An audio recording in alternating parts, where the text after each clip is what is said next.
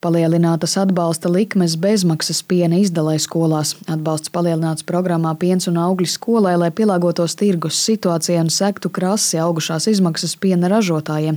Tiesa gan kopumā ierobežoto līdzekļu dēļ atlikušajā mācību gadā piena izdala atsevišķās skolās jau drīz beigsies, stāsta zemkopības ministrijas tirgus kopējās organizācijas nodaļas vadītāja Dāts Freimane. Kopējais budžets šim mācību gadam pienam tie ir 2,9 um, miljoni eiro kur lielāko daļu veido šīs valsts līdzfinansējums. Un ņemot vērā, ka tas programmas budžets netiek palielināts, ir jāsaka tā, ka mums katru gadu šīs izdevuma periods samazinās, bet no šogadēju resursu pieauguma viņš ir drastiski samazinājies. Un, un mēs esam aprēķinājuši, ka papildus šai programmai, tātad gan uz piena izdali, gan uz augļu dārzeņu izdali papildus būtu nepieciešami 5 miljoni eiro. Skolas piena programmā iesaistās desmit piena pārstrādes uzņēmumi.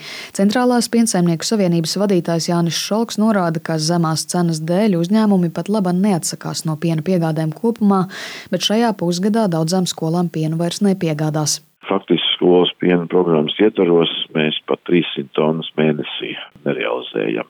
Tas ir ļoti neliels daudzums. Zinu, ka viena daļa piena piegādātāja šajā programmā jau ir savus kvotus izsmēluši, un mēs varam rēķināties, ka pat februārī ne visi vairs saņems vienu vai divas reizes nedēļā šo te paredzēto pienu skolas piena programmas ietvaros. Nu, šogad ir tāda, diemžēl, situācija. Tāpēc viņi izglābt izskatās, ka neizdosies.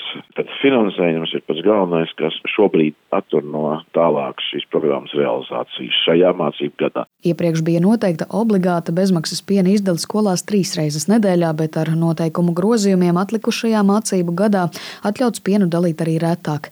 Izglītības iestāžu ēdinātāju asociācijas sabiedrība sabiedriskās ēdināšanas tehnoloģija Ilona Dreimane saka, ka tas daudzām skolām ļaus programmu pagarināt. Bērniem arī šīs trīs reizes nedēļā varbūt ir jau par daudz, viņiem jau apnīk, ja?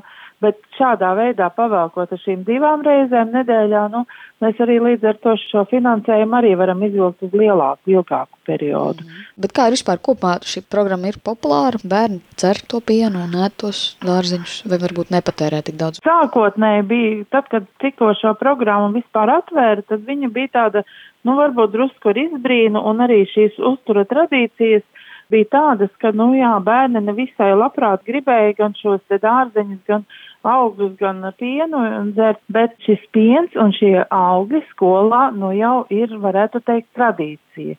Jā, vecāki seko līdz, bērni prasa, gaida, viņa ir populāra programma. Zemkopības ministrijā vēl norāda, ka šajā mācību gadā vairs nav iespējams pieņemt lēmumu par budžeta palielināšanu programmā Piens un augļu skolai, tādēļ tas tiks rosināts tikai no nākamā mācību gada.